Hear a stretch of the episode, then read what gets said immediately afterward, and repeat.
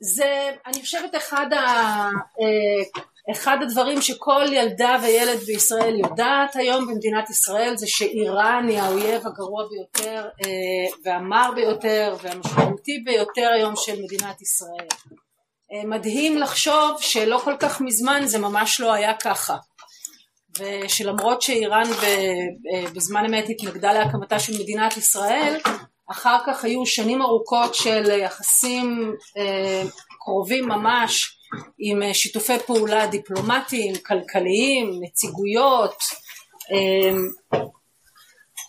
יש אפילו צינור נפט שעדיין החברה שב, שמחזיקה אותו מתנהלת בכל מיני אפיקים שעליהם לא נדבר היום אבל היום עיקר העיסוק שלנו במדינת ישראל הוא באיום האיראני, האיום הגרעיני והאיום שמגיע משלוחות של איראן אה, בגבולותינו השונים וההתמודדות של מדינת ישראל עם האיום הזה.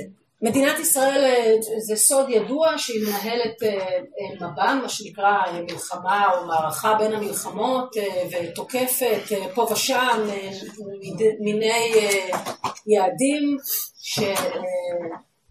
שמסומנים כאיומים מקומיים, מה שמצטבר לאיום גדול יותר ולאחרונה אפשר להבחין למי ש... טורחת, אפשר להבחין בסוג של הסלמה זוחלת גם אה, בתוקפנות האיראנית בגבולותינו השונים וגם אה, בפעולות שישראל עושה כדי אה, לסכל את האיום הזה. צריך להגיד שיש גם הסלמה בהתבטאויות שזה תמיד דבר שצריך לשים לב אליו כי לא משנה מה המניעים להתבטאויות האלה, אה, בסופו של דבר גם יש להן אחר כך משמעות במציאות. כחברה בוועדת החוץ והביטחון של הכנסת אה, בשש שנותיי כחברת כנסת, אני מצטערת להגיד שהוועדה באופן כללי לא מנהלת כל כך דיונים בנושאי מדיניות של מדינת ישראל, בוודאי לא מדיניות בתחום הביטחון והמדיניות, המדינאות, איך לומר. היא מנהלת פיקוח אה, ברמה הטקטית על הצבא, אה, פחות מזה על הזרועות השונות של הביטחון הישראלי, אבל כמעט ואין במקום לדיונים אסטרטגיים. במצב שבו אנחנו נמצאות ונמצאים היום אה, מול איראן, יש תחושה של מין קוראלס כזה אל עבר עימות בלתי נמנע. אני חשבתי שיש חשיבות עליונה לנהל דיון שהוא ציבורי במהותו, שהוא כן פתוח לקהל הרחב, לכל אזרחיות ואזרחי ישראל, ודאי לכל העוסקות והעוסקים בתחום הזה, לשאול את השאלה, האומנם העימות הוא בלתי נמנע, ואיזה אסטרטגיות אלטרנטיביות לאלה שמנהלת ישראל היום אה, אנחנו צריכות וצריכים לשקול בהתמודדות שלנו מול איראן כמדינה מול האיום האיראני אה, כמו שהוא אה, מוצג לנו היום. אז אני שמחה מאוד שהכנס הזה נערך ביחד עם המכון למחקרי ביטחון לאומי ה-NSS אה, ומי ששותפתי לניהול הכנס הזה היא המומחית מספר אחת בארץ לאיראן מבחינתי האישית, הגברת סימה שיין, אז אני מבקשת ממך לפתוח. סימה, בוקר טוב.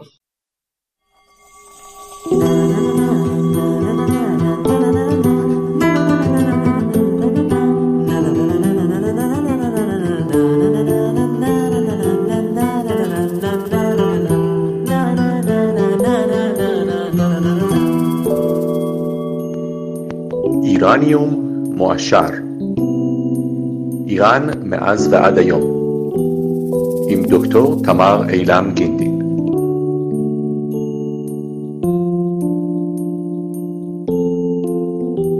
אלה היו דברי הפתיחה של חברת הכנסת מרב מיכאלי לפאנל איראן שהתקיים ביומה האחרון של הכנסת ה-22 ביוזמתה של חברת הכנסת מיכאלי ובשיתוף סימה שיין מהמכון למחקרי ביטחון לאומי, שסיפקה גם את החוקרים מהמכון ומחוצה לו. הפאנל במלואו מובא בפרק הזה ובפרק הבא, פיצלתי בגלל מגבלה של האתר, אבל אני מעלה כמעט בו זמנית, אני לא יודעת אם זה יצא באותו ערב או יום אחרי יום, אז תוכלו לשמוע ממש או כמעט ברצף. אה, פטרוני איראניום מועשר בפטריון גם קיבלו את הקלטת השיחה שלי ושל יקיר הפודקאסט דוקטור אורי גולדברג במהלך כל הנסיעה לירושלים. אה, בחלק זה נשמע את חבר הכנסת יאיר גולן, את סימה שיין, את האלוף במיל גיורא איילנד ואת פיטר נויזלר ממחלקת המדינה האמריקאית באנגלית. אני לא בטוחה שככה הוא מבטא את שמו. אה, בחלק השני יובאו דבריהם של דוקטור רז צימת, שכבר התארח באיראניום מועשר, ואולי יתארח שוב אם יהיה לי מימון להמשיך אחרי פרק 61. אה, מאיר ג'וודנפר, ג'וודן פאר, פאר נצחי. אה, הוא טרם התארח אצלנו וכנ"ל. דוקטור אורי גולדברג, שאין צורך להציג, ואנחנו נפגוש אותו שוב בפרק 60. דוקטור תמר אילם גינדין, נספחת התרבות הראשונה של ישראל באיראן החופשית, שזאת אני. האלוף במיל אהרון זאבי פרקש, אה, שלפני 28 אה, שנים נראה לי, משהו כזה, אמרתי לו כשקבע המזגן. אה, אמיר פרץ ודוקטור צ'אק פרייליך. למי שמעדיף את כל הפאנל ברצף בווידאו, אני מקשרת מגוף הפוסט גם ליוטיוב. 18 הדקות הראשונות הן הקלטה מהטלפון שלי, ואחר כך יש וידאו שהורדתי מערוץ, אתר, מאתר ערוץ הכנסת והעליתי יחד עם שלי, כמובן ברשות מיגל, הדוברת של מרב מיכאלי. מירב, אני ברשותך מתנצל מראש על החוצפה בעניין. חבר הכנסת יאיר גולן אה, נמצא איתנו בשמחתנו. אני חייב ללכת לוועדת החוץ והביטחון, ברשותך, אם אני יכול, באמת כמה הערות קצרות. מסכימה? בוודאי. בעיקר בשביל לעורר פרובוקציה. פרובוקציה. לא, לא מכירות את הקונספט הזה. באמת כמה אמירות. חבר הכנסת יאיר גולן. אני ממש מתנצל, אני חושב שזה חשוב, וחבל לי שאני לא אוכל להיות בשבוע. העיקר שתצביע טוב. כן, איראן, לכן איום רציני, ובוודאי ובוודאי מי שעוסק בנושא הזה לא מעט שנים, אני לא מקל בראש. ועם זאת, אני חייב לומר שתחושתי המתמשכת לאורך שנים שאנחנו עוסקים, או אפילו הייתי אומר מגזימים קצת בנושא האיראני, כדי להימנע מעיסוק יותר רציני בסוגיה הפלסטינית. והדבר נעשה בכוונת מכוון, ולא באיזשהו ניקוי מאורות שלא שמנו לב שיש פה עוד איזושהי בעיה אסטרטגית. הדבר השני שכדאי לנו לזכור, שמפה, מה שנקרא מערכה בין המלחמות, ביטוי לא מוצלח בעיניי, אבל מאוד שגור במקומותינו, אה, היא מוצלחת, כל, המפה מוצלח כל עוד הוא באמת אה, לא מדרדר למלחמה.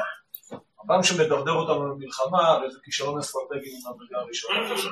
כלומר, שערו בנפשכם מה עדיף למדינת ישראל, אה, עניין כוח אולי ברמה כזו או אחרת קצת יותר גבוהה ממה שציפינו, רצינו, או הידרדרות למלחמה, אה, אני מאלה, ובהחלט אפשר להתווכח על העניין הזה, אבל אני טוען שעדיף למנוע את המלחמה מאשר להידרדר למלחמה שלא באמת התכוונת אליה, כי מי שהולך למב"ם לא מתכוון ללכת למלחמה. אה, הדבר הבא, איום הנשק המדויק הוא אכן חמור, אפילו חמור מאוד. ועם זאת, אני חייב לומר שגם פה יש הגזמה לא מבוטלת.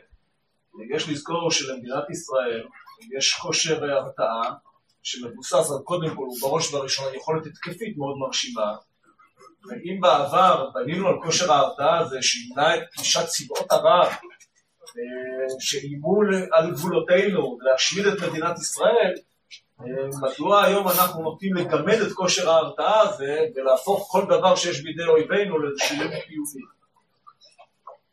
הדבר הבא שאני רוצה לומר, שיש איזושהי נטייה להשליך מה שקורה בעזה על כל שאר הזירות. כלומר, יש להם, חזקה להם שמיד יעשו בזה שימוש. בעוד שעזה זה סיפור של חידלון ישראלי מתמשך, שאינו קשור בהכרח למה שקורה בלבנון, או מה שקורה בסוריה, או מה שיקרה מול איראן, ולמעשה כבר היום מה שקורה מול הזירות האחרות שלא עזה, הוא שונה באופן מהותי, את עצמנו איך נוצרה השונות הזאת, למה היא נובעת, והאם אולי זה צריך להשליך על מה עושים מול עזה, לפחות על מה זה אומר לנו לגבי האיומים האחרים שנאספים על גבולותינו. אה, שתי הערות אחרונות, אחד טיפול בתשתית הגרעין האיראנית, זה נושא שנדון, ואני לא אכנס פה כמובן לפרטים בנושא הזה, צריך לזכור שזה עניין הרבה יותר סבוך, מורכב, אה, סיכויי הצלחה הרבה יותר קטנים בהשוואה למה שנעשה בעיראק ב-81 מול סוריה ב-2007.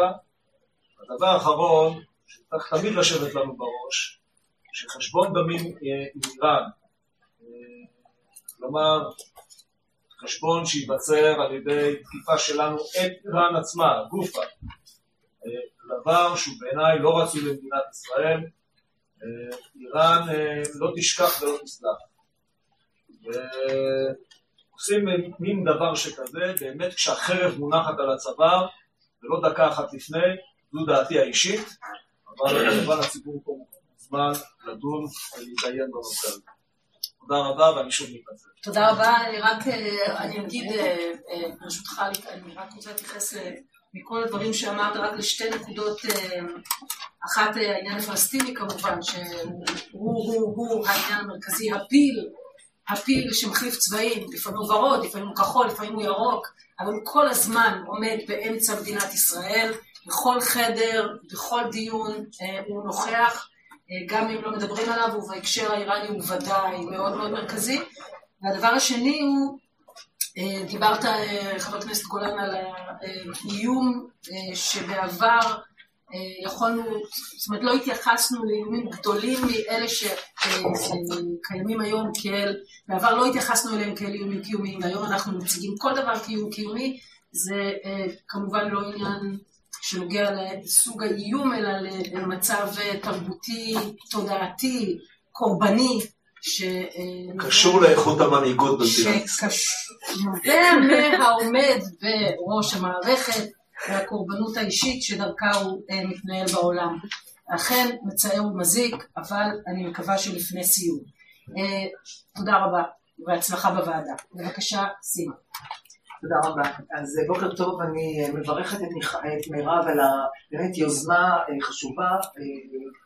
אני לא זוכרת שעשינו דבר כזה בעבר, ונדמה לי שמן הראוי שהנושא האיראני, שהוא נושא שיש בו פוטנציאל להידרדרות, וכמו שאמר חבר הכנסת יאיר גולן, אני רוב דבריו מסכימה, כמו שהוא אמר, היכולת שלנו להידרדר למלחמה אה, לא רצויה, אה, עם השלכות ארוכות טווח אה, היסטוריות, זה נושא שמן הראוי לפתוח אותו לציבור הישראלי, לשמוע במגוון של דעות, לאקדמיה, לכל האנשים העוסקים בנושא והאנשים שרוצים ללמוד את הנושא ולהביע את דעתם בנושא. אני חושבת שזו סוגיה מאוד... אה, סוגיה חשובה ואני מאוד מברכת על הרעיון לעשות את האירוע הזה. אני רוצה לפתוח ולומר, אני באה מהתחום המקצועי, אה, גם בשנים שהייתי במערכת, במערכת הממלכתית, הייתי מקצוענית, לא בשום תפקיד פוליטי, ולכן כל מה שאני אומרת הוא נובע מהניסיון המקצועי שלי והערכה המקצועית שלי. אני יכולה להיות צודקת בה, אני יכולה להיות טועה בה, אין, בה, אין בה שום הטיה אה, אה, פוליטית כזאת או אחרת, היא באמת אה, מקצועית לחלוטין, אה, וכמובן אה, ברת הוכחה בכל, ברוב הדברים. אני אתחיל ואני אומר כמה דברים לגבי איראן, ונפתח את זה אחר כך לכל החברים האחרים שמשתתפים איתנו בפאנל ולשאלות אה, מן הקהל. אה, יש לנו שתי סוגיות מרכזיות שישראל עוסקת בהן בסוגיה האיראנית. יש סוגיה ארוכת טווח אסטרטגית אבל אני מסכימה עם כל מי שאומר, לא איום קיומי, אין אף אחד שאנחנו מוכנים לתת לו את ה, בכלל את האפשרות לאיים על הקיום שלנו. אין איום על הקיום של ישראל, ישראל מדינה חזקה. יש איומים אסטרטגיים חמורים עם פוטנציאל נזק גדול מאוד. תוכנית הגרעין האיראנית היא כזו, היא תוכנית אסטרטגית, תוכנית ארוכת טווח, היא תוכנית שיש בה פוטנציאל חמור מאוד לישראל, ומן, ומן הראוי שישראל תעשה כל מה שהיא יכולה על מנת שאיראן לא תגיע ליכולת של פצצות גרעיניות. זה תרחיש גרוע. אני לא עוסקת כרגע מה יקרה אם יהיה לה, נכון, אני מניחה שזאת שאלה שתעלה בהמשך, אני אומרת בהחלט זאת סוגיה מרכזית בהוויה של ישראל. היא ארוכת טווח מכיוון שאיראן לא נמצאת שמה, היא ארוכת טווח מכיוון שהסכם הגרעין בעצם, אלמלא היו יוצאים ממנו, היה מחזיק את איראן למשך 15 שנה רחוקה מפצצה, אבל אנחנו במצב היום שונה. מה המצב היום? אני אגיד בחמש מילים קצרות, כדי שבכל זאת נהיה על אותו בסיס של ידע והבנה של המצב. הנשיא טראמפ יצא לפני שנה וחצי מההסכם, מאי 18, אה, הוא, אם זה היה תלוי בו, היה יוצא שנה קודם, הוא מההתחלה אמר שההסכם הזה הוא הגרוע ביותר שארצות הברית עשתה, הוא אה, בא עם דעה מאוד ברורה, אני בספק רב אם הוא קרא אי פעם את ההסכם, אבל אני גם בספק אם הצוות שהיה סביבו קרא את ההסכם. אבל זה ההסכם הכי גרוע, והוא יצא ממנו במאי האחרון.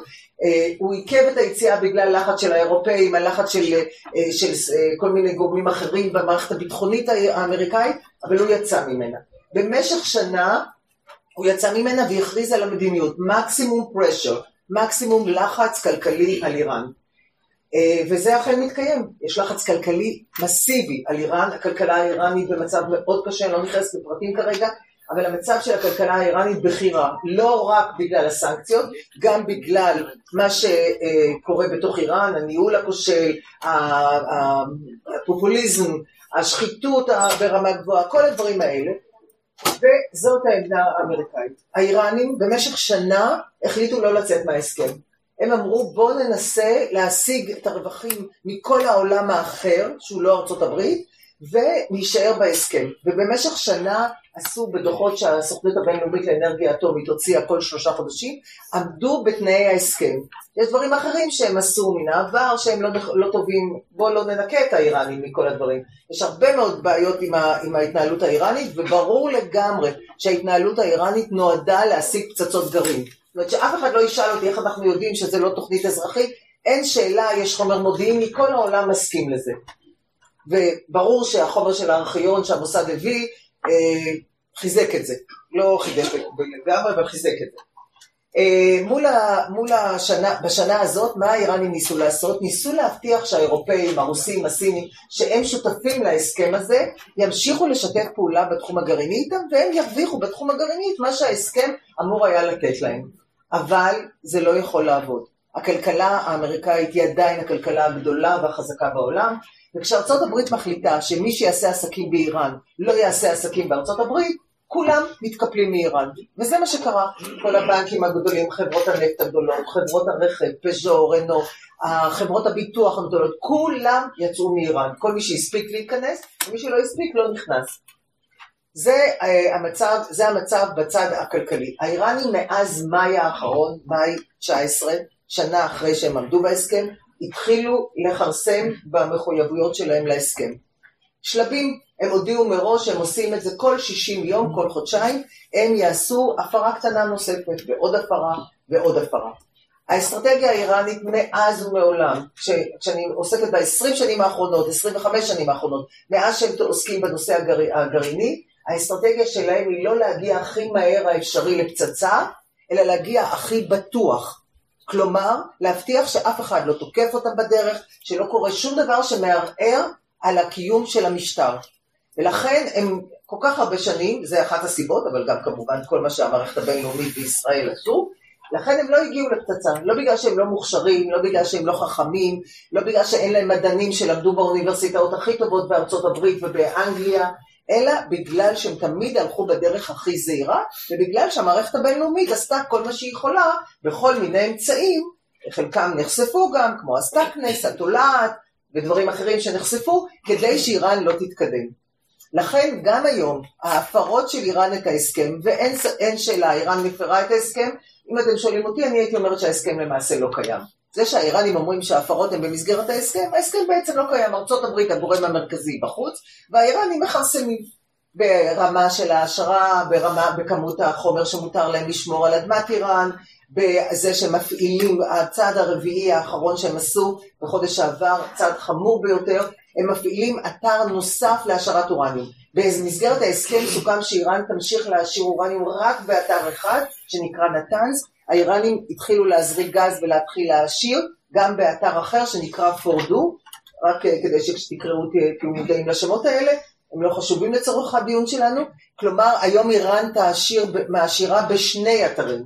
האתר השני הוא אתר, אתר אה, יחסית חסין, שום דבר לא חסין, אבל יחסית לאתר הקודם יותר חסין. עמוק בתוך, מתחת להר, עמוק בתוך האדמה, והאיראנים חושבים שהוא יותר חסין, זה אתר שנחשף באופן אה, מודיעיני, האיראנים לא דיווחו עליו, וברור מכל האינפורמציה שיש לנו שזה אתר שנועד להעשיר לרמה צבאית ולאפשר שיהיה חומר לפצצות גרעין. אנחנו, אה, זה בחלק של תוכנית הגרעין, והשאלה הגדולה שעומדת לפנינו לשנה הקרובה, 2020, מה יקרה? מה יקרה בנושא הגרעיני, ואני עוסקת כרגע רק בנושא הגרעיני. אני מזכירה, זאת שנת בחירות בארצות הברית. הנשיא טראמפ, אם יש דבר אחד שהוא כל הזמן אומר, זה הוא אומר לרוחני, בוא ניפגש. אני מת להיפגש איתך, בוא נצטלם ביחד. אני, אנחנו יכולים לעשות הסכם, אין בעיה. לפני שלושה ארבעה ימים שחררו האיראנים אה, אזרח עם אה, אזרחות אמריקאית גם, אה, סיני, ובתמורה קיבלו אזרח איראני.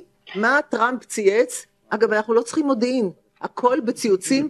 אתמול היו 90 ציוצים ביום, אתמול. אתמול היה יום קשה לטראמפ, 90 ציוצים. והוא, מה הוא צייץ? תראו איך עשינו עסקה, שחררנו, ניהלנו משא ומתן, איראן ניהלה משא ומתן הוגן, אפשר להגיע להסדר עם איראן. זה מה שהנשיא טראמפ רוצה, הסדר עם איראן. הוא לא רוצה מלחמה והוא לא מתכוון. הוא הגיע כדי להוציא את ארצות הברית מכל מקום אפשרי, איפה שיש חיילים אמריקאים הוא רוצה לצאת. זה שהוא לא יצא מכל המקומות, שעדיין יש חיילים אמריקאים בסוריה, שיש חיילים אמריקאים בעיראק, ושיש הרבה חיילים אמריקאים עדיין באפגניסטן, זה למרות טראמפ. זה לחץ של המערכת הביטחונית שכל פעם מסבירה לו כמה זה יהיה נורא אם הוא יצא. לא בגלל שהוא לא רוצה לצאת. ולכן מי שמשלה את עצמו שארצות הברית תתקוף את איראן, אני מציעה לו שיפסיק לחלום את החלום הזה. ומי שחושב את החלום השני, בקצה השני, שהמלחץ המקסימום פרשר יביא להחלפת משטר באיראן, גם מהחלום הזה אני מציעה לו להקיץ. לא שהמשטר הזה לא יתחלף יום אחד, ואנחנו תכף נשמע מאנשים שעוקבים אחרי המשטר בקפדנות רבה, אבל מי שחושב שזה יקרה בטווח הקרוב, אני מציעה לו לא לחשוב בכיוון הזה. וגם, אז מה כן יקרה? לא, וגם נשמע מנציג שגרירות ארצות הברית, מהסטייט דיפרטמנט, יש למה לצפות. יש למה לצפות. בהחלט, ויכול להיות שהוא יחלוק על מה שאני חושבת שזאת העמדה האמריקאית, אבל זאת הדרך שאני רואה אותה. מה יהיה ב-2020? האיראנים, אם לא יקרה משהו יוצא דופן, עכשיו תראו, הנבואה ניתנה, אתם יודעים למי, ולכן גם הכלים המודיעיניים והכלים המחקריים וכל שנות הניסיון הרבות לא מאפשרות לבן אדם לא לטעות ולדעת דברים שבאמת בסופו של דבר הם בראשו של אדם אחד. חמינאי המנהיג האיראני. האם הוא יחליט לאפשר לרוחני להיפגש עם טראמפ? עד עכשיו הוא לא אפשר לו גם לדבר איתו בטלפון והוא חוזר ואומר כל יום ובניגוד להרבה מנהיגים שאנחנו מכירים הוא בדרך כלל עומד במה שהוא אומר אומר אין מה להאמין לאמריקאים כמו שאני תמיד חשבתי הוא אומר שאי אפשר להאמין להם. הם הוכיחו גם שאי אפשר להאמין להם ולכן אנחנו לא נדבר עם האמריקאים אלא אם יוסרו כל הסנקציות. וגם אז הוא אומר אם יוסרו כל הסנקציות אנחנו נהיה מוכנים לדבר איתם במסגרת הפי חמש פלוס אחד. זאת המסגרת שבמסגרתה הגיעו להסכם, להסכם, להסכם הגרעין. אנחנו לא נדבר איתם באופן ישיר. אה, אני חוזרת ואומרת, אם זאת תהיה המדיניות, והוא יכול לשנות את דעתו, כי באיזשהם נסיבות קשות הוא יכול להחליט לשנות את דעתו, אבל אם זאת תהיה המדיניות, והערכתי שזאת תהיה המדיניות, איראן תמשיך לכרסם בהסכם הגרעין, ואנחנו נימצא במצב שיותר ויותר חומר גרעיני מועשר נמצא על אדמת איראן, מה שאנחנו קוראים זמן פריצה, אם הם יחליטו לפרוץ לפצצה, מתקצר. אין זה אומר שהם יחליטו, אבל אם הם יחליטו, הזמן הזה מתקצר. ולכן מה שאני אומרת, השורה התחתונה בנושא הגרעין, שנת 2020 יכולה להיות דומה לשנת 2012. מה היה ב-2012? איומים ישראלים לתקיפה, פחד אמריקאי שישראל הולכת לתקוף, כל העולם בהיסטריה מהאפשרות הזאת. אני מזכירה, 2020 יכול להיות דומה לנושא הזה. זאת הסוגיה הגרעינית. אני אגיד שתי מילים על האזורי ונפתח את זה לחברים האחרים בפאנל. אמרה מירב קודם בצדק, איראן נמצאת בכל הזירות מסביבנו. היא נמצאת בלבנון, היא נמצאת בסוריה, היא נמצאת בעיראק, היא נמצאת בתימן והיא נמצאת בעזה.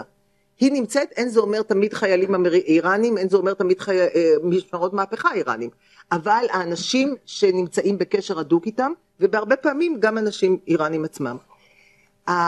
הדברים האלה הם לא תוצאה של איזו אסטרטגיה גאונית איראנית שהם ישבו ותכננו וביצעו אותה.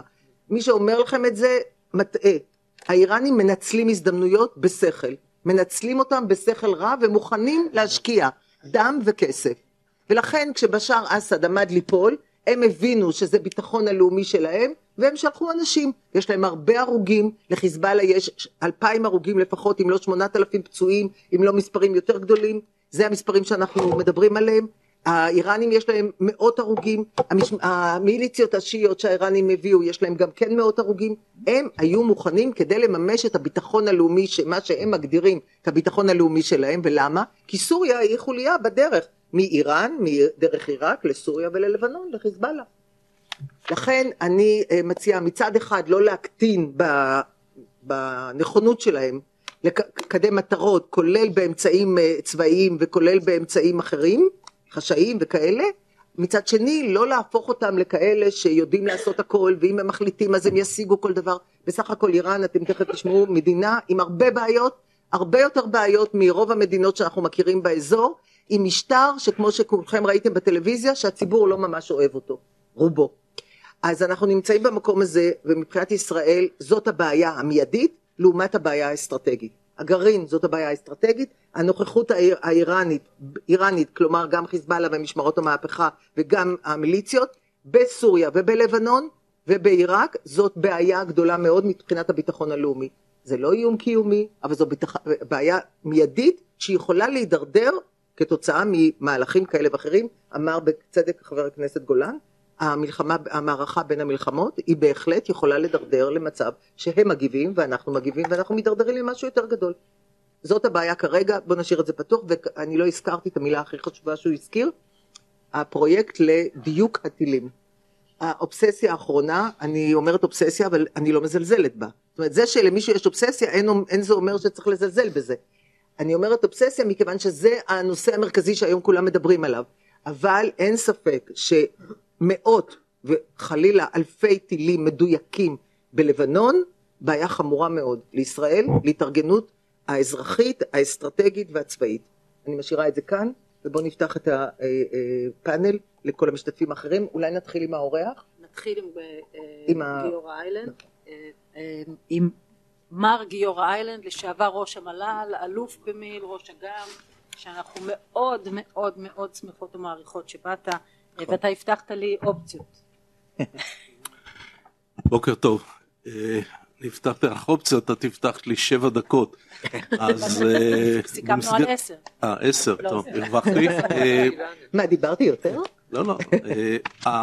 הבעיה באמת שהנושא האיראני הוא פיל ענק, וכשאתה רוצה להסביר לא רק מה המצב, אלא בעיקר להגיע לשאלה יותר חשובה, היא גם מטרת הדיון, לשאול, אוקיי, אז מה ישראל צריכה לעשות?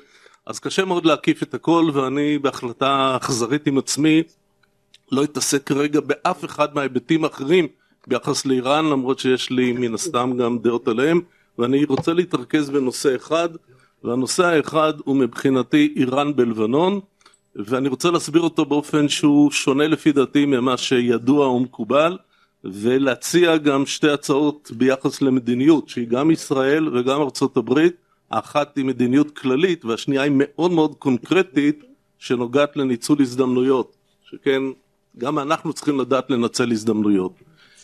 אה, כשאנחנו מדברים על אה, לבנון, למעשה אה, ההצלחה הגדולה ביותר של איראן בארבעים שנה האחרונות באיזשהו תחום או באיזושהי זירה היא במדינה אחת בלבנון. נכון, עושים מאמצים בסוריה, עושים מאמצים בעיראק, עושים מאמצים בתימן, פה ושם גם במקומות אחרים, גם אל ירדן הם לוטשים עיניים, עזה כמובן, אבל המקום היחידי שיש להם הצלחה מוחלטת זה לבנון. וההצלחה המוחלטת שלהם היא זו שגם יוצרת על ישראל נכון לעכשיו את האיום הצבאי הקונקרטי הגדול ביותר, לא משום דבר אחר.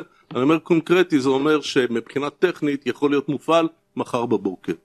מה קורה בלבנון ובמה המציאות בלבנון שונה מהנרטיב או מהתפיסה המקובלת בעולם. התפיסה המקובלת בעולם אומרת שיש בלבנון טובים ויש רעים. הטובים זה הסונים, הנוצרים, הדרוזים, כל אלה שהם כביכול שייכים לצד שמסתכל מערבה, מסתכל לאירופה, מסתכל ומתבסס על התרבות הפרנקופונית ועל המודרניזציה שקיימת במדינה הזאת, והם לכאורה בני ברית של המערב. זה אה, הטובים, ולידם יש את הרעים, והרעים זה חיזבאללה, נשען על העדה השיעית כמובן, והם זוכים לסיוע בעבר מסוריה, היום פחות, ובעיקר כמובן מסיוע איראני מאוד מאוד מסיבי, ואם זו התמונה של טובים מול רעים בלבנון, לכאורה המסקנה צריכה להיות טוב, בואו ננסה לחזק את הטובים נגד הרעים. העניין הוא שמעבר לשני מחנות האלה שקיימים, קיים משהו הרבה יותר חזק והרבה יותר משמעותי שמשפיע על המציאות בלבנון ומשפיע גם על המציאות לגבינו, והיא שמעל החילוקי דעות בין הסו כל טובים והרעים, יש הסכם חזק ויצוק בבטון בין האליטה של הטובים לבין חיזבאללה. והאליטה של הטובים זה לצורך העניין הממשלה והשכבה של המאוד מאוד עשירים הסונים והנוצרים מצד אחד, לבין חיזבאללה מצד שני. ומה אומר ההסכם? ההסכם אומר בוא נחלק בינינו משימות שכל אחד משני החלקים ינצל את יתרונו היחסי על מנת להביא טוב ללבנון. התפקיד של הטובים יהיה להראות את פניה היפות של לבנון. מדינה שיש לה מוסדות דמוקרטיים, יש לה בחירות, יש לה אוניברסיטה אמריקאית, יש לה אוניברסיטה צרפתית, יש כלכלה חופשית, עיתונות חופשית, מועדוני לילה, בילויים, זה בכלל מדינה שהיא כמעט אה, אי של אירופה במזרח התיכון, והיות והם מראים את פניה היפות של לבנון, אז המדינה זוכה לקבל סיוע כלכלי, סיוע פוליטי, ואפילו סיוע צבאי מאוד נדיב מארצות הברית. מאז 2006 שווי הציוד הצבאי שארצות הברית סיפקה ללבנון הוא למעלה ממיליארד דולר, לא מעט. זה התפקיד של הטובים במסגרת ההסכם עם חיזבאללה. מה התפקיד של חיזבאללה? התפקיד של חיזבאללה זה להיות הכוח הצבאי היחיד במדינה. אני אומר הכוח היחיד הצבאי היחידי במדינה. תגידו, ויש גם את צבא לבנון. עכשיו לא רק שחיזבאללה הרבה יותר חזק ודומיננטי עם צבא לבנון, צבא לבנון כפוף ביומיום לחיזבאללה. והוא פורס את העמדות שלו במקום שחיזבאללה אומר לו כאן. וחלק גדול מאוד מהנשק, כולל נשק אמריקאי שניתן ללבנון, ועד דברים אחרים מועברים לחיזבאללה. זה דברים שהם די ידועים, ולכן צבא לבנון כפוף הלכה למעשה לחיזבאללה. הדבר השני במסגרת הצד של חיזבאללה זה לא רק להיות הכוח הצבאי המשמעותי, ולא רק להיות עם חופש להמשיך ולבנות את הכוח הצבאי, אלא גם להיות הגורם היחידי שקובע האם יהיה שקט או רועש, והאם הגבול הישראלי יהיה שקט או רועש, והאם תהיה או לא תהיה מלחמה בעצם בין הצד הלבנוני לישראל. ההסכם הזה הוא הסכם נהדר לשני הצדדים, כי הוא נותן לכל אחד מהם את מה שהוא רוצה, כאשר רוב העולם נופל למלכודת הזאת. היות והמציאות היא כפי שאמרתי שבעצם חיזבאללה הוא הכוח השולט באמת בלבנון ואני אומר את זה לא רק הוא חלק מהממשל, הוא חלק מהפרלמנט, הוא חלק מהממשלה, כל תהליך קבלת החלטות בעצם יש לו זכויות וטו מלאות, נשיא לבנון, לכאורה הדרגה הכי בכירה שם, לא יכול להתמנות אלא באישור של חיזבאללה, ובאופן טבעי הוא גם מרגיש שהוא בעצם משרת את חיזבאללה, כי בלעדיהם הוא לא היה נעשה נשיא. אז חיזבאללה שולטת בלבנון. מי שולט בחיזבאללה? איראן. עכשיו איראן שולטת בחיזבאללה בכלל, בטח בגלל הכסף, יש לזה אין סוף עדויות. אגב נסראללה לא רצה לשלוח כוחות להילחם בסוריה, למה לא להרוג לבנונים בסוריה? ולמה הוא שלח אותם? כי, חיזבאללה, כי איראן אמרה לו שלח, ואז הוא שלח. עכשיו ברגע שבערך 75% מהתקציב של חיזבאללה הוא בעצם תקציב איראני, אז בעל המאה הוא בעל הדעה. ולכן מדינת לבנון נשלטת על ידי איראן, וכל דרך אחרת להציג את זה היא פשוט לא נכונה. מה המשמעות של העניין הזה מבחינת ישראל, ואני אומר בארבע דקות שנותרו לי ברמת האסטרטגיה הכללית, ואני אומר את זה ביחס לניצול של הזדמנות קונקרטית. הדבר הכללי שצריכים להבין הוא שאם מחר פורצת מלחמת לבנון השלישית, לא חשוב כיצד, תיפתח אש מלבנון, אנחנו נגיב, הם יגיבו, נגיע למלחמת לבנון השלישית, אסור לנו לחזור על הטעות האסטרטגית הגדולה של 2006. מה היה ב-2006 במלחמה? נפתחה מלחמה ואנחנו נלחמנו נגד מי? נגד חיזבאללה. מהי מדינת לבנון? צבא לבנון, תשתיות הלבנוניות, הממשלה הלבנונית, הם מחוץ למשחק. תושבי חיפה ישבו במקלטים, תושבי ביירות הלכו לחוף הים. למה מלחמת לבנון השנייה נמשכה 34 יום? כי העולם שאל אותנו, רגע, נגד מי אתם נלחמים? אמרנו, נגד חיזבאללה. אמרו, אה, חיזבאללה הם רעים, תהרגו אותם. שאל העולם את חיזבאללה, נגד מי אתם נלחמים? אמר נגד היהודים. טוב, גם הם רעים, תהרגו אותם. רעים נגד רעים, העולם אוהב. מלחמה נמשכה 34 ימים, יכולה הייתה להימשך גם 340 ימים, לא הפריע לאף אחד בעולם. ואם ישראל תיכנס למלחמת לבנון השלישית, והקונספציה או האסטרטגיה תהיה דומה ל-2006, אז התוצאה מבחינת מדינת ישראל בהשוואה ל-2006, שנחשבת לא מלחמה הכי מוצלחת מבחינתנו, תהיה רעה לאין שיעור. תגידו הכיצד? הרי נורא השתפרנו מאז, אנחנו עם מודיעין וחיל אוויר וכולי. מה לעשות שבצד האופרטיבי חיזבאללה השתפר הרבה יותר. כל מומחה צבאי שיעשה מאזן כוחות אה, אה, אופרטיבי בין ישראל לבין חיזבאללה, ישווה אותה ל-2006, אז אנחנו השתפרנו ככה והם השתפרו ככה. ואני לא רוצה להיכנס פה לכל הפירוט, זה מכמות הטילים, הטווח שלהם, העוצמה שלהם, יכולת ההסתרה שלהם, וכמובן בעיקר נושא הדיוק, שהיום הוא במספרים קטנים, אבל הוא מן הסתם צפוי לגדול. ולכן אם תהיה מלחמה כזאת, והיא תימשך 34 יום, לא משנה כמה נהרוג אנשי חיזבאללה וכמה טילים נשמיד, כשיתפזר האבק ויהיו בישראל מאות הרוגים, אלפי בתים הרוסים וסכנה של פגיעה בתשתיות, ואני לא אומר זה לא, איסור, זה לא איום קיומי, אבל זה איום מסוג, או לא איום, תוצאה מסוג שמאז מלחמת השחרור לא חווינו אירועים כאלה בעורף מדינת ישראל, אה, תהיה לנו בעיה להגיד שניצחנו. אז מה המסקנה? המסקנה היא מובנת מאליה. אם תיפתח אש מלבנון ולא משנה כיצד, ישראל צריכה להכריז מלחמה על מדינת לבנון.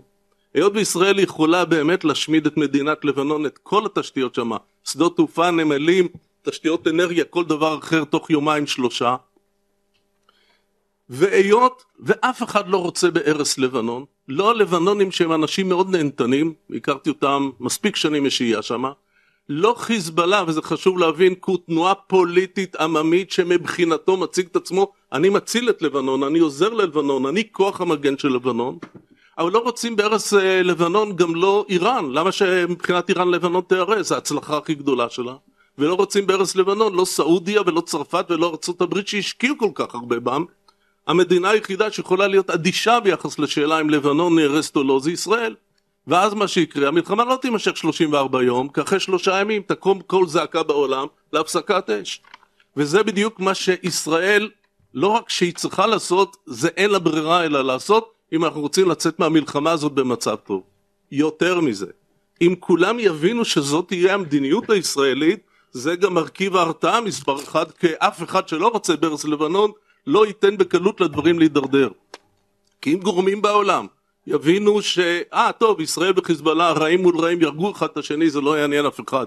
הרס של מדינת לבנון לא טוב לאף אחד. והיות וחיזבאללה, ואני חוזר זה תכף בהיבט קונקרטי, באמת רגיש יותר מכל דבר אחר ללגיטימיות הפנימית שלו בלבנון. חיזבאללה, אנחנו קוראים לו ארגון טרור וזה טעות לקרוא לו ככה. הוא לא ארגון טרור וכל הזה שמוגדר כארגון טרור ומגונה כארגון טרור, אין לזה שום משמעות. חיזבאללה הוא תנועה פוליטית עממית לבנונית מצליחה ונתפס כחלק יותר מאשר לגיטימי במרקם הפוליטי הממשלי באיראן, בלבנון, אלא ככוח המגן העיקרי של המדינה נגד התוקפנות הישראלית והלגיטימיות הזאת חשובה לו. עכשיו אין לו בעיה שאנשיו יהרגו, אין לו בעיה שישמידו לו רקטות כי יספקו לו חדשות, יש לו בעיה של פגיעה במדינת לבנון שתעלה את השאלה למה הבאת עלינו את הדבר הזה? ולכן זהו בעצם המנוף העיקרי שיש לישראל. עכשיו נגיע לנקודה הקונקרטית, אני צריך עוד שתי דקות ברשותך.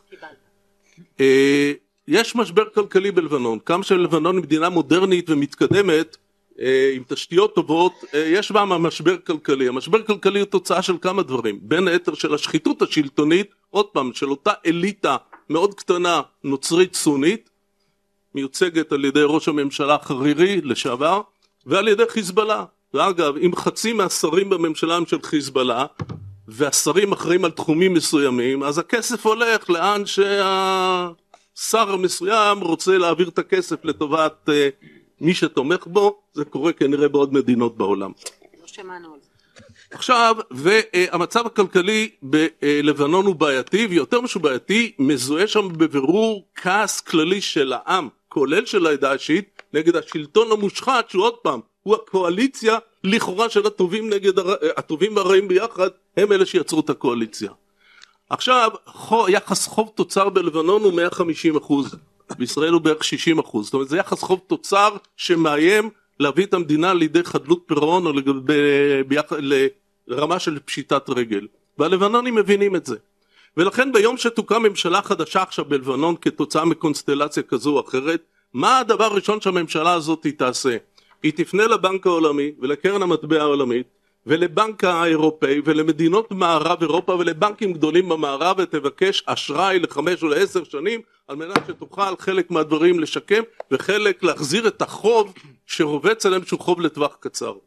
וזו ההזדמנות הגדולה לומר למדינ... למדינת לבנון במצב הזה את הדבר הבא אנחנו, ארצות הברית, האיחוד האירופי, ארצות הברית אה, או בנק גדול או מוסדות בינלאומיים כמו האו"ם או הבנק העולמי אנחנו מוכנים לעזור למדינת לבנון ונשמח לתת לכם אשראי כזה או אחר על מנת בעצם להבריא את הכלכלה. אבל יש לנו תנאי.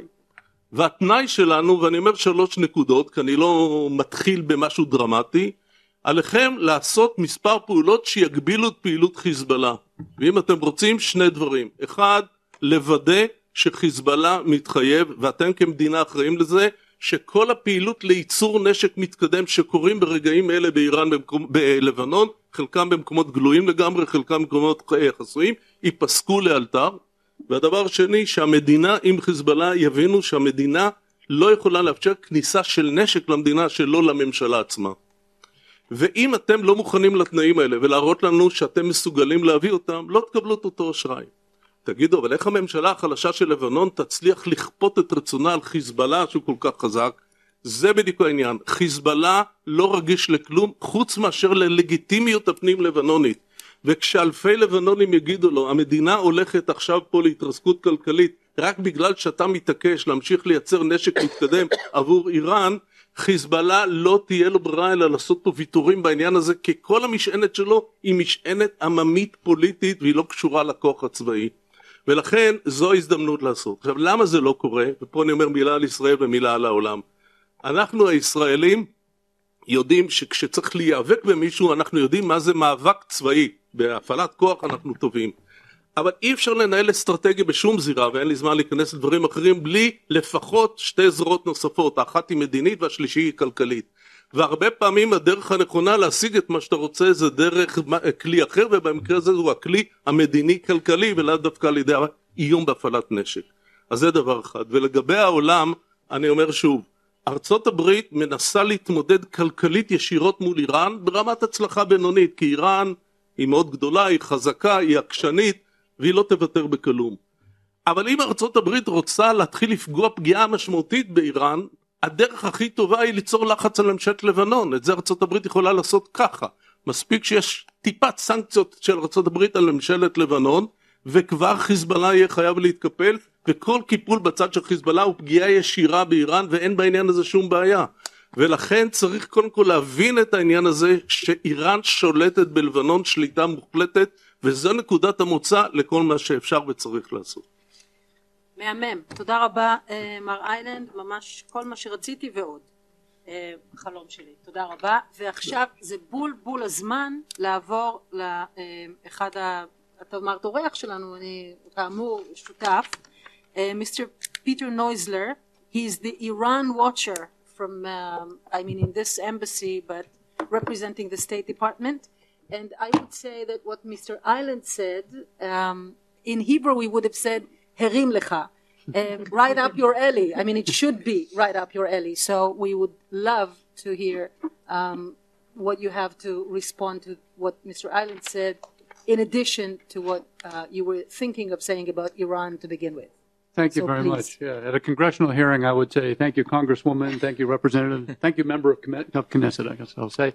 Um, and you're absolutely right, actually, what Mr. Island said, especially towards the end. I thought, oh, that's that tracks pretty closely with some of the things that I wanted to say. So, Oh, so is which this is a headline? which is not always. Uh, Is this a headline? The U.S. is about to sanction Lebanon soon? Uh, wait, wait, wait and hear. well, you really are a member of Knesset, aren't you? Yeah.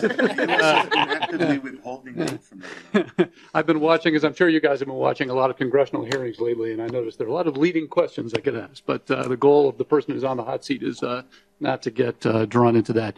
Um, so let me just start by saying a couple of things that may may seem really obvious, uh, but are probably worth saying. Uh, first off, um, one of my neighbors here, when we were getting ready for the uh, the, the conference now, asked what exactly is an Iran watcher, and I thought perhaps I should explain that.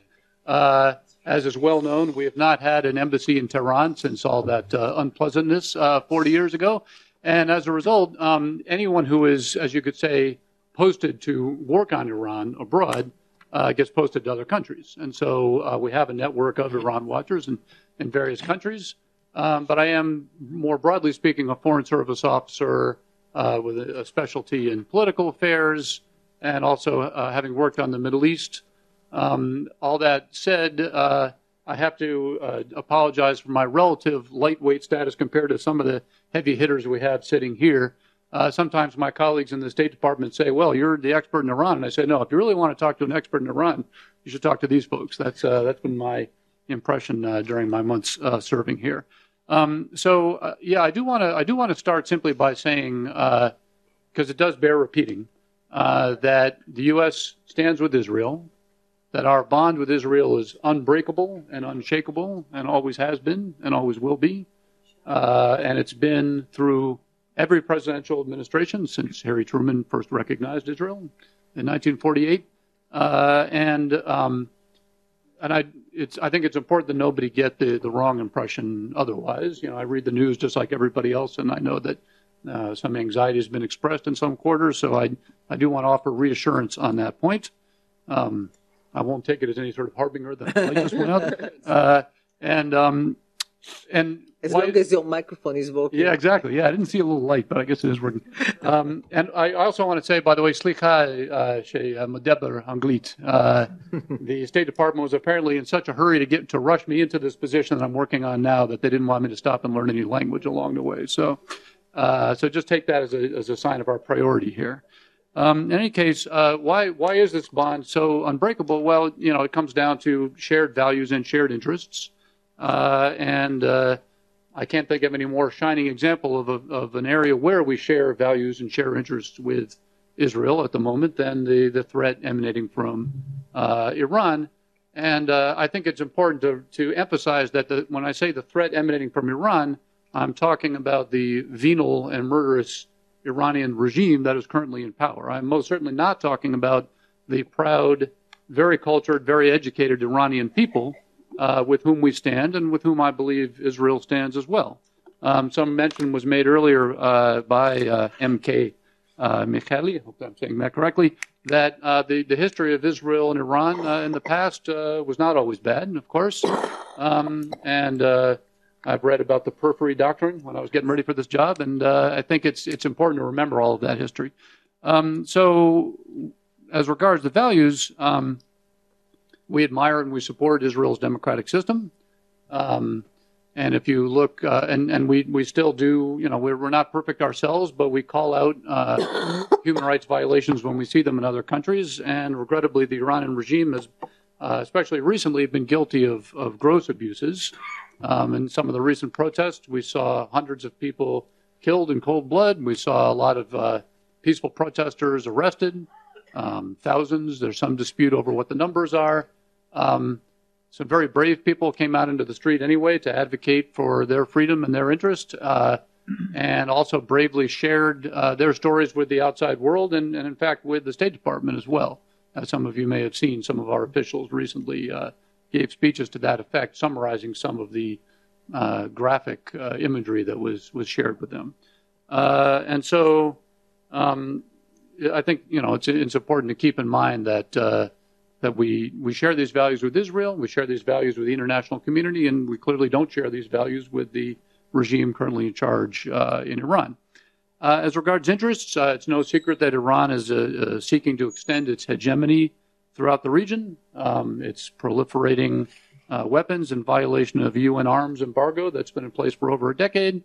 Um, most recently, of course, we had a U.S. warship, uh, the um, engaged in an interdiction of an unflagged ship off of Yemen and discovering uh, sophisticated weapons technology, missile components uh, that was destined for Yemen.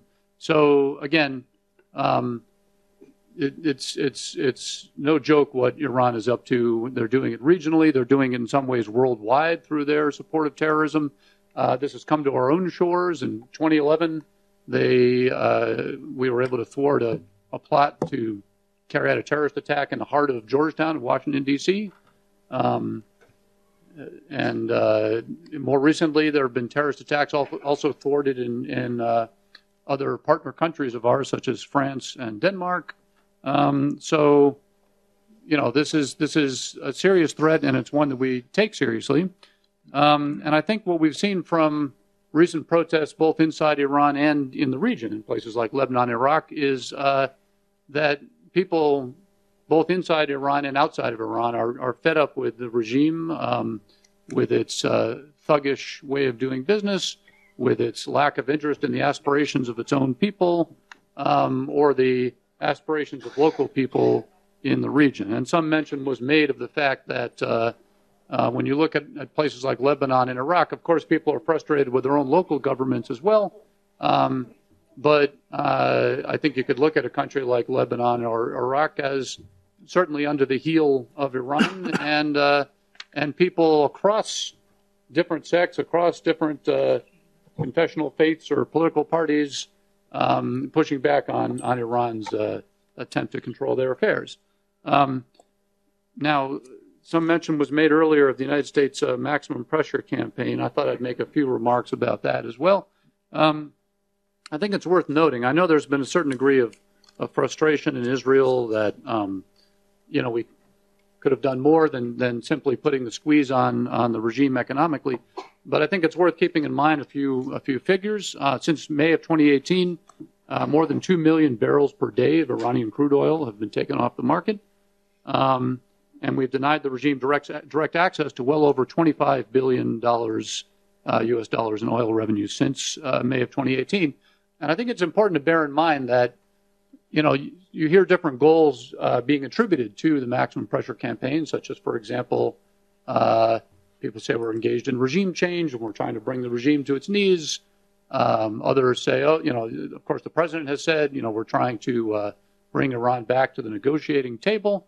Um, certainly, none of us is happy with the, I think none of us in this room is happy with the uh, Iranian regime being in power, but we're well aware that we can't just wave a magic wand and, and determine the fates of nations worldwide. Nonetheless, we do think it's, it's, it's uh, worthwhile to engage in this campaign. Um, and it's important to bear in mind that when Iran has a lot of money to spend, it does not spend it on good things, uh, as some of my colleagues have noted.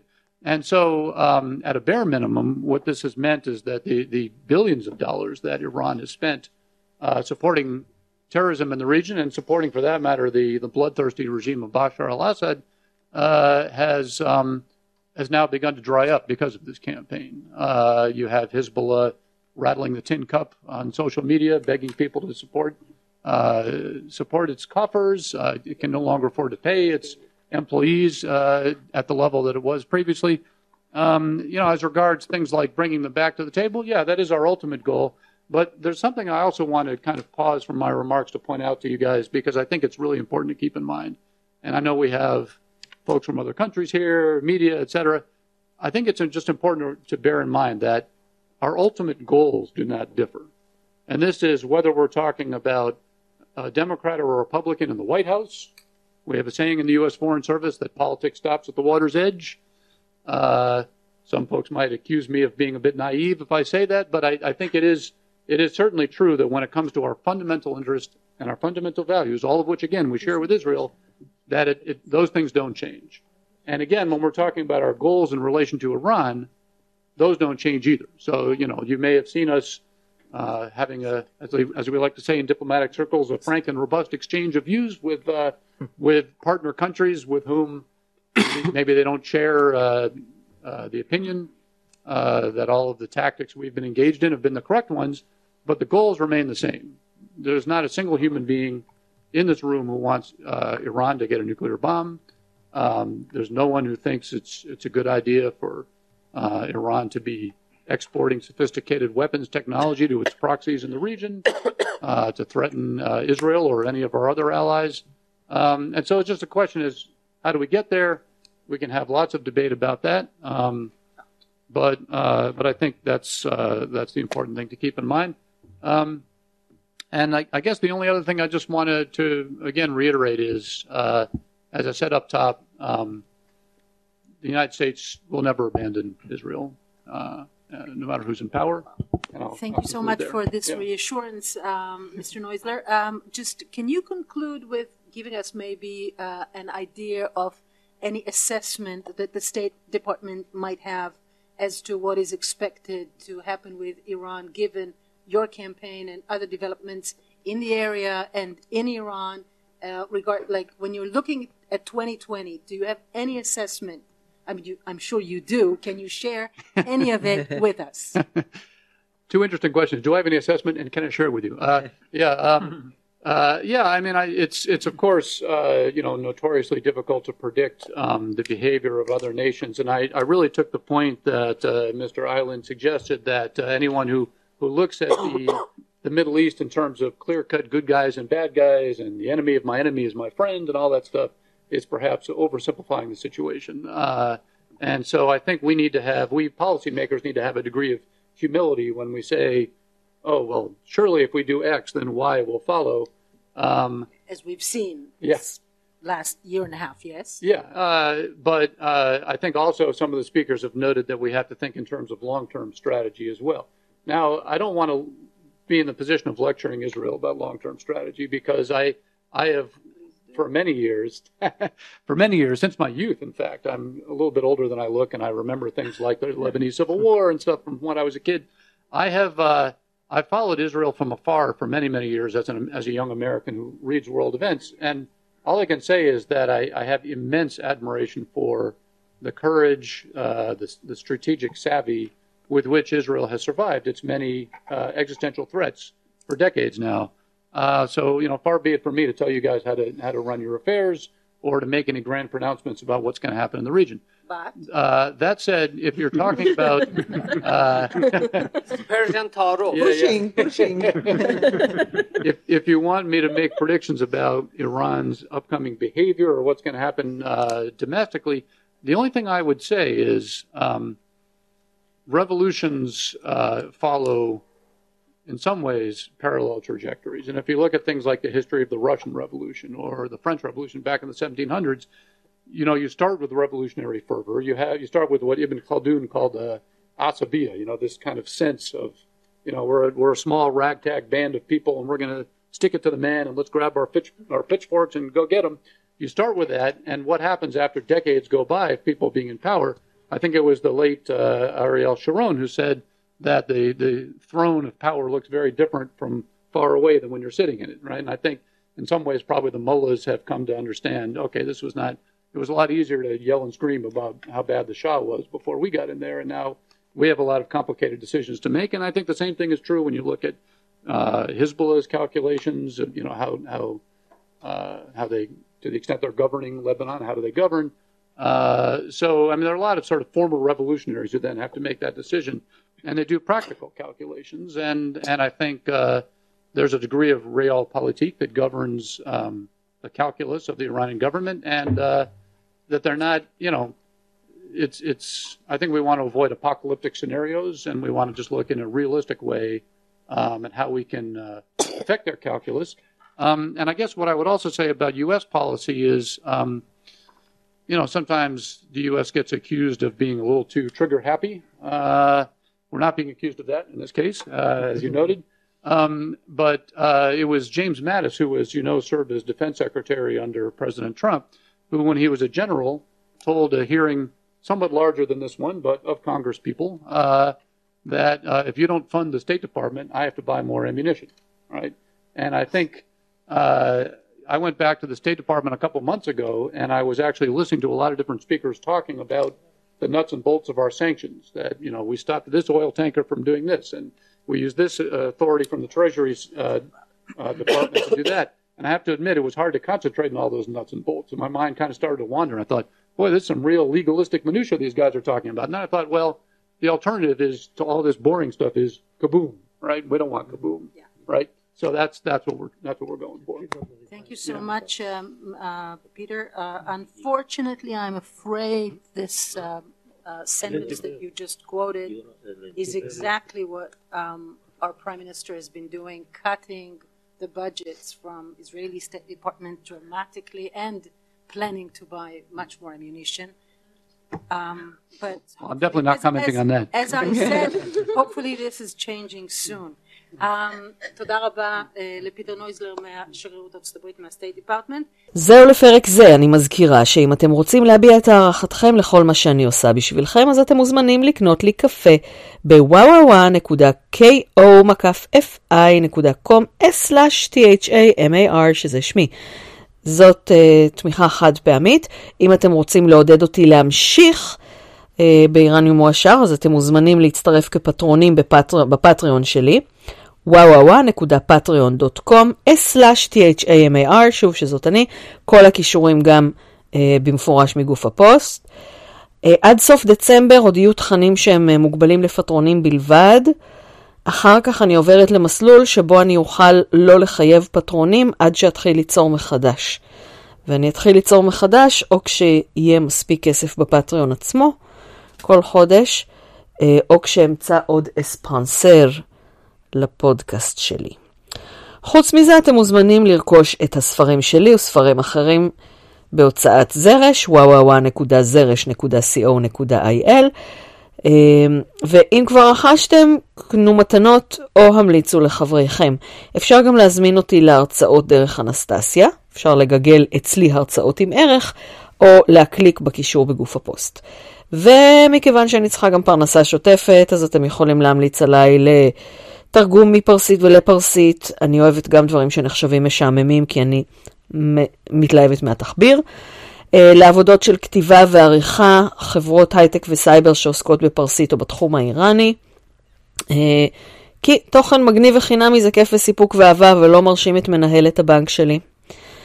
אה, גם ביוגרפיות של פרסים עשירים, אני אצרף קישור ל Gold in the Dust, שזאת ביוגרפיה שכתבתי וגם עלתה אונליין, אז אפשר לראות דוגמת עבודה שלי. השיר של קיוסק שבחרתי הפעם, וגם לנסיעה עם אורי, נקרא חסר תרבות, ויש בו כל מיני סטריאוטיפים נוספים שמתאימים למה שחושבים אצלנו על חברי כנסת. כמובן, לא אלה שנכחו בדיון. אז הנה.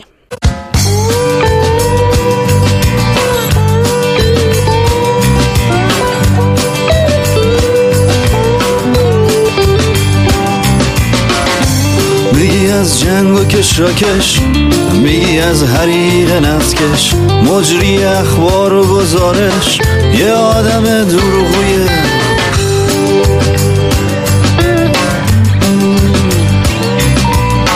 یه برنامه واسه جوونی روزتن سبز آسمانی. قدر میکروفونو می‌دونی عشق نیا ای بچه.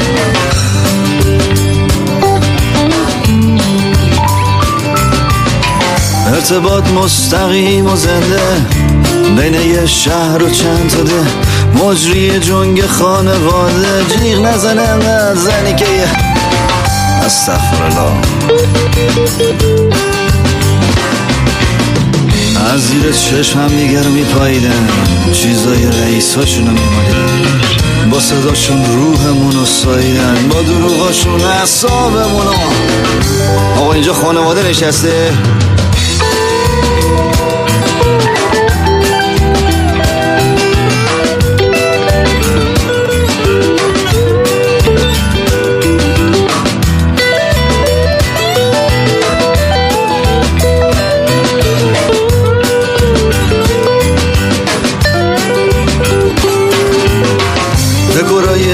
جلف و پر از گل گلای گلایل و سنبول کلاق با ادای بلبل اینا را کجا گیر آوردن یه مشتی؟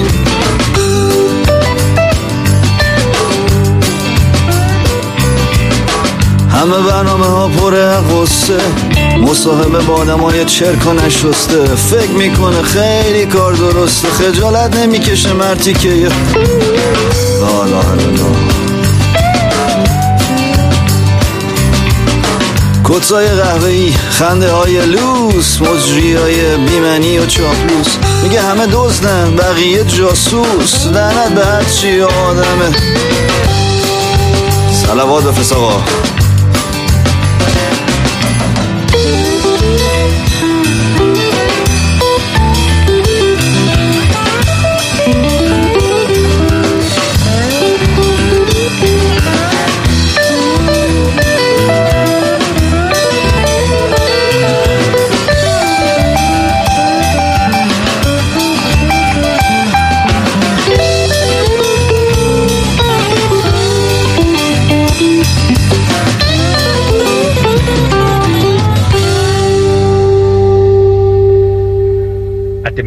למצוא את הפודקאסט איראני מועשר בכתובת podcast.זרש.co.il אימייל ליצירת קשר איראניום at זרש.co.il ואם אתם רוצים אקטואליה איראנית מהמאה ה-21 תוכלו למצוא אותה בבלוג חדר 404 room404.net בטור של דוקטור תמר אלעם גינדין. מהנעשה באיראן.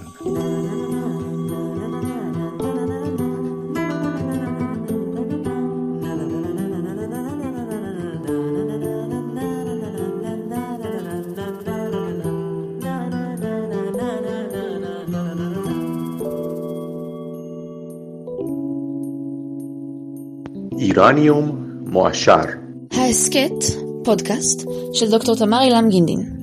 מנחה ברוחו, עידו קינן. פאנל איראן מיומה האחרון של הכנסת ה-22, בניצוח חברת הכנסת מרב מיכאלי. הדוברים בחלק א', חבר הכנסת יאיר גולן, סימה שיין, האלוף במיל גיורא איילנד, פיטר נויזלר ממחלקת המדינה האמריקאית, באנגלית. ובחלק השני, דוקטור רז צימת, מאיר ג'אוודנפר, דוקטור אורי גולדברג, דוקטור תמר אילם גינדין, האלוף במיל אהרון זאבי פרקש, אמיר פרץ ודוקטור צ'אק פרייליך. נעימת פתיחה וסיום, עיבוד של ברק אולייר להמנון איראן. קריין פתיח וסגיר, נתנאל טוביאן. קריינות קרדיטים, ענת אילם. פיזיקאית, אומנית, חולה בבית. שזאת אני.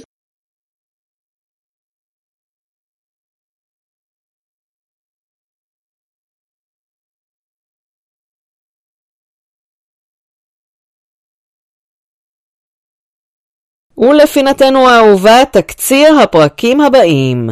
בפרק 58 נפגוש סוף סוף את שירלי שמסיאן. הפטרונים שביניכם קיבלו את תחילת ההקלטה שלה ואנחנו עוד צריכות לסיים את הפרק. פרק 59 יהיה באנגלית, נראה לפי זמינות התאמת לוזים ואם תגיבו אז גם לפי תגובות הקהל, אם זה יהיה עם דיוויד ניסן או עם דוקטור אמילי לנדאו. עם דיוויד נדבר על ילדותו באיראן, על עלייתו ארצה ועל הקהילה העיראקית באיראן, שאליה הוא שייך. ועם אמילי כבר אמרנו מזמן שאנחנו צריכות מתישהו לריב כמו בנות אדם, בלי לחץ הזמן שיש תמיד בתקשורת כשמזמינים אותנו לריב. בכל הקשור לאיראן, דוקטור לנדאו מייצגת את העמדה של ההתנשאות העולמית, שזו ארצות הברית כמובן. פרק 60, פרק עגול ויפה, לכן חייב להיות עוד ציר זמן עם דוקטור אורי גולדברג. כל כך כיף לנו לדבר שאנחנו משתעשעים ברעיון של פודקאסט משותף, לאו דווקא בנושא איראן, ואם זה יהיה, אז זה יהיה פודקאסט בפורמט של סעמק, למי שמכיר, שזה פורמט של הקלט העלה, בלי שום עריכות ובלי גוף פוסט. פרק 61 מסתיים באחת, ולכן, ניחשתם נכון, דוקטור אילן אבקסיס ואני נשוחח באנגלית, כדי שגם התורם האנונימי של עשרת הפרקים האלה יוכל להבין, על מלחמת איראן-עיראק בפרספקטיבה של 4,500 שנה. אז תודה לכולם על הספרים, על התמיכה בפטריון, על ההרצאות, על ההמלצות, על הפניות העבודה, וכמובן על הקפה, היה טעים, נעים ומחמם לב.